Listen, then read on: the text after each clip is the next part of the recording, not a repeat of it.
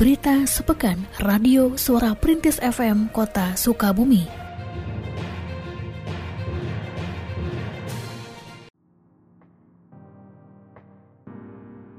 Perhimpunan Indonesia Tionghoa Inti bekerja sama dengan Palang Merah Indonesia PMI Kota Sukabumi dan Perhimpunan Donor Darah Indonesia PDDI melaksanakan kegiatan donor darah dan pemberian santunan bagi penderita talasemia. Kegiatan tersebut dilaksanakan pada hari Minggu, 2 Mei 2021 bertempat di Sekretariat Inti Kota Sukabumi. Hadir pada kesempatan tersebut Wali Kota Sukabumi Ahmad Fahmi, Kepala Dinas Kesehatan Kota Sukabumi, Ketua Inti Kota Sukabumi, serta Ketua PDDI. Wali Kota Sukabumi dalam sambutannya mengungkapkan rasa terima kasihnya kepada Inti Kota Sukabumi yang telah menggelar kegiatan ini. Terlebih, Donor darah kali ini juga untuk memenuhi kebutuhan darah bagi para penderita talasemia. Yang pertama, saya menyampaikan apresiasi kepada keluarga besar Inti Sukabumi, di mana hari ini melaksanakan kegiatan donor darah yang eh, utamanya membackup kebutuhan darah sahabat-sahabat kita, anak-anak kita yang saat ini menderita talasemia karena tidak bisa dipungkiri kebutuhan darah bagi mereka menjadi sesuatu yang wajib. Sedangkan di bulan Ramadan ini persediaan darah sangat eh, merosot sangat drastis. Itulah sebabnya dukungan dari keluarga besar inti menjadi sesuatu yang luar biasa bagi kami, bagi pemerintah Kota Sukabumi. Tentunya kami mengajak warga masyarakat baik muslim ataupun non muslim untuk tetap melaksanakan donor darah karena donor darah juga selain menyehatkan secara individu juga memberikan manfaat yang luar biasa kepada orang yang membutuhkannya. Sementara itu, Ketua Inti Kota Sukabumi, Hendy Effendi menyampaikan apresiasinya kepada para peserta yang telah mendonorkan darah pada kegiatan ini. Adapun Wakil Ketua Inti Kota Sukabumi, Gunawan SH, mengatakan bahwa kegiatan donor darah kali ini ditargetkan diikuti oleh 200 orang. Hari ini uh, kami bersyukur uh, rencana kami untuk donor uh, terlaksana dengan baik. Dapat kami sampaikan bahwa yang daftar hari ini ada 40, tapi dalam perjalanan sepertinya ada bertambah. Ya, kesempatan ini uh, kami dari perhimpunan inti, uh, Pak Ketua dan saya juga sekretaris Ibu Dr. Lili sangat uh, mengucapkan terima kasih kepada Pak Wali uh, dari PMI maupun PPD, PDDI dan semua unsur pemerintahan yang telah mendukung kami. Kami juga berterima kasih kepada masyarakat, terutama para pendonor yang setiap saat kami ajak siap untuk membantu penyediaan dana di Kota Sukabumi. Dan semoga ke depannya uh, dari perhimpunan inti kami konsen uh, akan melakukan donor setidaknya dalam tahun tiga kali. Uh, terima kasih, semoga semua berjalan dengan lancar. 98% pendidik dan tenaga kependidikan di kota Sukabumi telah mendapatkan vaksinasi COVID-19 tahap pertama. Kondisi tersebut membuat pemerintah kota Sukabumi memiliki optimisme untuk melaksanakan pembelajaran tatap muka. Hal tersebut disampaikan oleh Wali Kota Ahmad Fahmi dalam peringatan Hari Pendidikan Nasional tingkat Kota Sukabumi pada hari Minggu 2 Mei 2021 di kantor Dinas Pendidikan dan Kebudayaan Kota Sukabumi. Wali kota menambahkan bahwa pelaksanaan vaksinasi tahap kedua untuk pendidik dan tenaga kependidikan rencananya dilaksanakan sehabis Lebaran. Selepas proses vaksinasi selesai, diharapkan pembelajaran tatap muka dapat dilakukan. Namun tetap kondisi penanggulangan COVID-19 akan menjadi pertimbangan lainnya dalam membuka sekolah. Sementara itu, PLT Kepala Dinas Pendidikan dan Kebudayaan Kota Sukabumi, Cecep Mansur, menjelaskan bahwa untuk peringatan Hari Pendidikan Nasional tahun ini dilaksanakan secara berbeda karena diisi dengan silaturahmi dan buka puasa bersama, serta dihadiri di antaranya oleh berbagai organisasi kependidikan di Kota Sukabumi. Hardikna tahun 2021 di Kota Sukabumi eh, tidak diselenggarakan upacara, tapi kita bersilaturahmi dengan uh, para uh, tenaga pendidik, tenaga pendidikan, para kepala sekolah, kemudian lingkup dinas pendidikan, kementerian agama, kemudian PGRI dan uh, KCD yang Ya untuk tahun ini eh, Insya Allah eh, bulan Juli nanti pada saat tahun baru kita akan melaksanakan tetap muka. Semoga ada upaya-upaya yang dilakukan oleh pemerintah, oleh masyarakat untuk bisa melaksanakan tetap muka sesuai dengan eh, protokol kesehatan. Persiapan selalu disampaikan ke berupa sosialisasi untuk persiapan-persiapan tersebut. Dan sebenarnya persiapan ini sudah eh, lama sekali dari mulai bulan Desember tahun lalu persiapan sudah dilaksanakan. Namun situasi kondisi tidak memungkinkan untuk tetap muka. Tapi insya Allah untuk eh, tahun ajaran 2021-2022 pada bulan Juli nanti kita akan eh, bisa melaksanakan secara tetap muka. Memperluas pemasaran produk tani, Dinas Ketahanan Pangan, Pertanian dan Perikanan, DKP 3, bukan hanya memfasilitasi penjualan produk secara daring melalui pasar tani melalui online, pasta melon, tetapi juga melalui pemasaran secara langsung ke perkantoran dan pusat keramaian, seperti yang dilaksanakan di Balai Kota pada hari Selasa 4 Mei 2021. Kepala Seksi Kelembagaan dan Pengembangan Usaha TPHP DKP 3 Kota Sukabumi, Sri Mulyati, menjelaskan bahwa pasar tani tersebut diadakan untuk meningkatkan pemasaran produk tani yang berasal dari kelompok tani. Selain itu, pasar ini diselenggarakan dalam rangka pembinaan usaha bagi kelompok tani. Dijelaskannya bahwa jadwal pasar tani di pusat keramaian dan perkantoran direncanakan dilaksanakan di lima lokasi berbeda dalam seminggu. Adapun produk yang dijual di antaranya sayuran dan pangan hasil olahan. Pasar tani, uh, kita melakukan pasar ini uh, untuk membantu kelompok ya ini barang-barang yang kita ambil dari kelompok dijual uh, melalui kelompok uh, Aspartan ini. Mereka uh, kita bina supaya bisa melakukan pemasaran. Nah, karena mereka sekarang uh, ini uh, banyak yang baru ya jadi kita tetap kawal.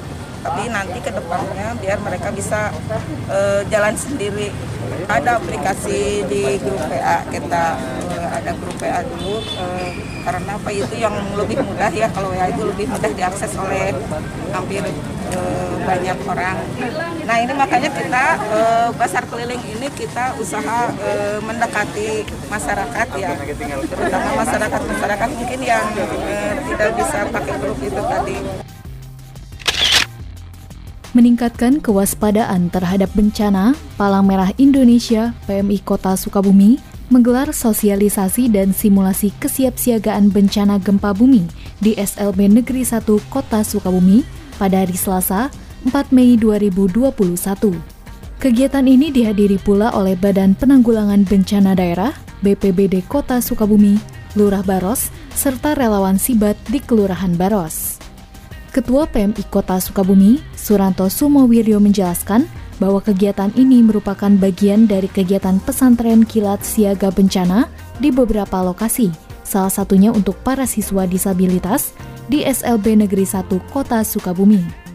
Kepala Sekolah SLB Negeri 1 Kota Sukabumi, Lina Darwati, menyambut baik dilaksanakannya kegiatan sosialisasi dan simulasi tersebut. Ia juga mengapresiasi pihak PMI Kota Sukabumi yang memilih sekolahnya sebagai tempat pertama sosialisasi kesiapsiagaan bencana kepada siswa disabilitas.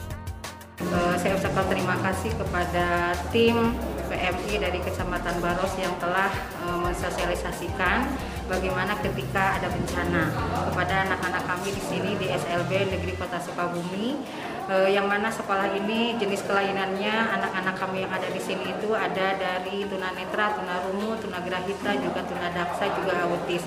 Sehingga tadi ketika uh, mensosialisasikan bagaimana cara menanggulangi anak ABK ini adalah sesuatu yang unik. Namun alhamdulillah e, dengan adanya e, latihan bagaimana ketika ada bencana untuk untuk anak-anak kami di sini, ini sesuatu yang sangat berharga sekali bagi kami khususnya bagi SLB Negeri Kota Sukabumi ini sehingga kami di sini ketika nanti sedang pelaksanaan pembelajaran e, di luar dugaan ada bencana gempa, insya Allah eh, siap siaga anak-anak kami ini terlatih untuk e, mensikapi daripada e, bencana tersebut. Ya, mudah-mudahan e, langkah awal daripada e, datangnya tim e, PMI dari Kecamatan Baros ini adalah ke depannya kita tetap harus bekerjasama bagaimana caranya untuk untuk anak-anak KBK di sini di dalam upaya menanggulangi ketika menghadapi bencana. Kecamatan dan kelurahan memiliki peran penting dalam penegakan larangan mudik pada Hari Raya Idul Fitri 1442 Hijriah. Peran tersebut di antaranya adalah pengawasan melalui penerbitan surat keterangan sesuai dengan jenis perjalanan non-mudik yang diperbolehkan selama larangan mudik berlaku. Peran kecamatan dan kelurahan tersebut dipaparkan dalam rapat koordinasi camat dan lurah pada hari Senin 3 Mei 2021 di Balai Kota. Hadir pada kesempatan tersebut Wali Kota Ahmad Fahmi, Wakil Wali Kota Andri Setiawan Hamami, serta Sekretaris Daerah Dida Sembada. Adapun jenis perjalanan yang diperbolehkan selama larangan mudik dari tanggal 6 hingga 17 Mei 2021 adalah layanan angkutan logistik dan pelaku perjalanan non-mudik dengan keperluan mendesak seperti bekerja atau perjalanan dinas, mengunjungi keluarga sakit, melayat anggota keluarga meninggal, ibu hamil yang didampingi satu orang keluarga, dan keperluan persalinan dengan maksimal pendamping sebanyak dua orang. Bagi para pelaku perjalanan tersebut, wajib mengantongi surat keterangan dari kelurahan. Mengedukasi warga masyarakat agar tidak mudik, sehingga harapannya dari 11% ini kita bisa mengurangi 7% yang tidak mudik. Nggak boleh mudik. Dari 11% yang ngotot akan mudik, kita upayakan edukasi, sosialisasi, kita harapkan 7% ini bisa kita uh, tahan supaya dari sisi mereka tidak melaksanakan mudiknya. Jadi setelah ada sosialisasi 7% ini sekitar 18,9 juta orang yang akan mudik dari 11 menjadi 7 persen. Pelaku perjalanan dalam negeri Pelaku perjalanan dalam negeri antara rentang 6 Mei sampai dengan 17 Mei kalau mereka akan bergerak pindah wilayah mereka harus dapat surat di antara dari lurah. Masyarakat diminta untuk mematuhi larangan mudik pada Hari Raya Idul Fitri 1442 Hijriah agar tidak terjadi kenaikan kasus COVID-19. Hal tersebut disampaikan Wali Kota Ahmad Fahmi ketika memimpin apel pasukan operasi Ketupat Lodaya pada hari Rabu 5 Mei 2021 di Lapang Merdeka, Kota Sukabumi.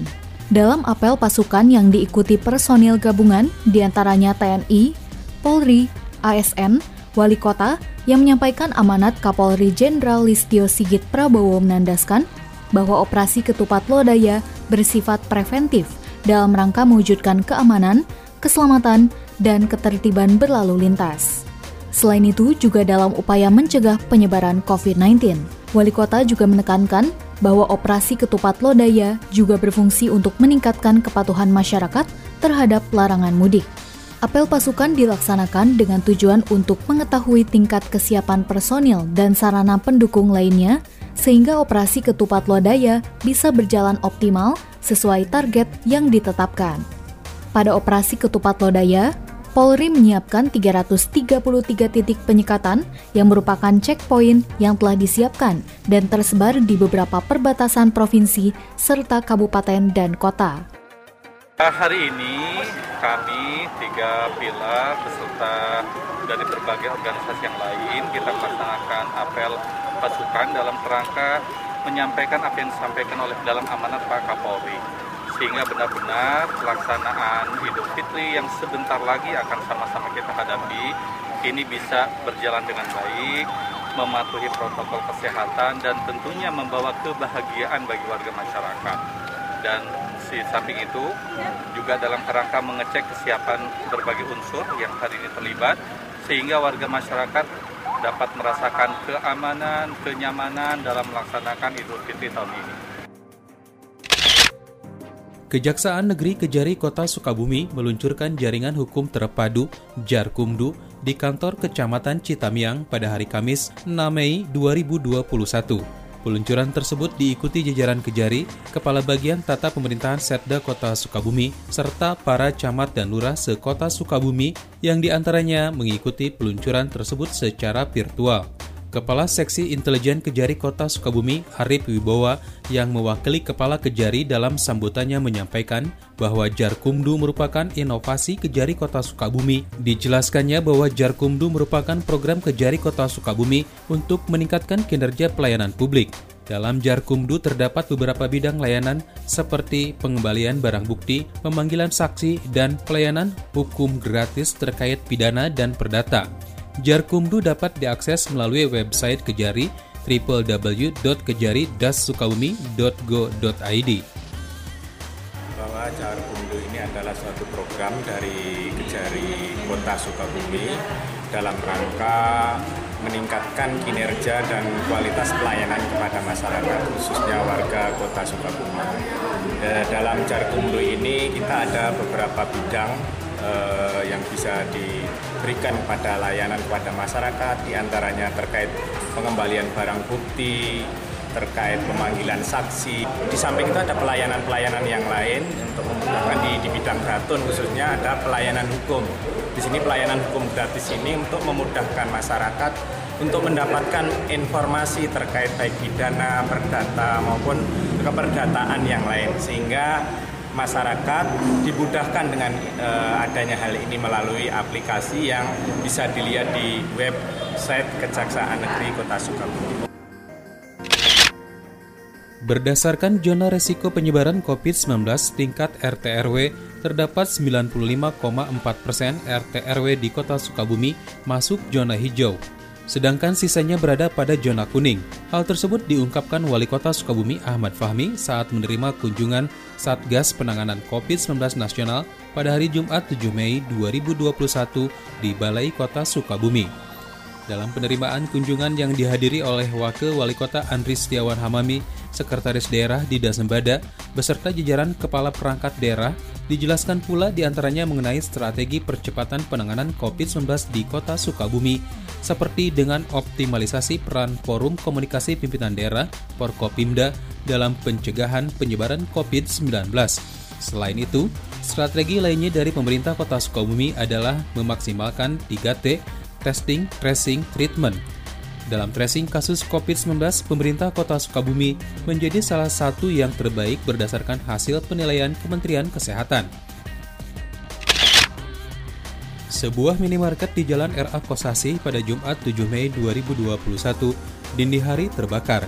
Beruntung kebakaran yang menimpa bangunan minimarket seluas 2 kali 2 meter tersebut dapat segera dipadamkan oleh pemadam kebakaran dari Dinas Satpol PP Kota Sukabumi. Kepala Bidang Pemadam Kebakaran dan Penyelamatan Dinas Satpol PP Kota Sukabumi Sudrajat dalam keterangan persnya menyebutkan bahwa pihaknya menerima laporan dari warga sekitar pukul 4.00 WIB dan kebakaran bisa dipadamkan sekira pukul 04.20 WIB. Pemicu kebakaran sendiri diduga berasal dari korsleting listrik komputer kasir, sedangkan untuk kerugian belum bisa ditaksir dan kebakaran tersebut tidak menimbulkan korban jiwa. Berita sepekan Radio Suara Perintis FM Kota Sukabumi.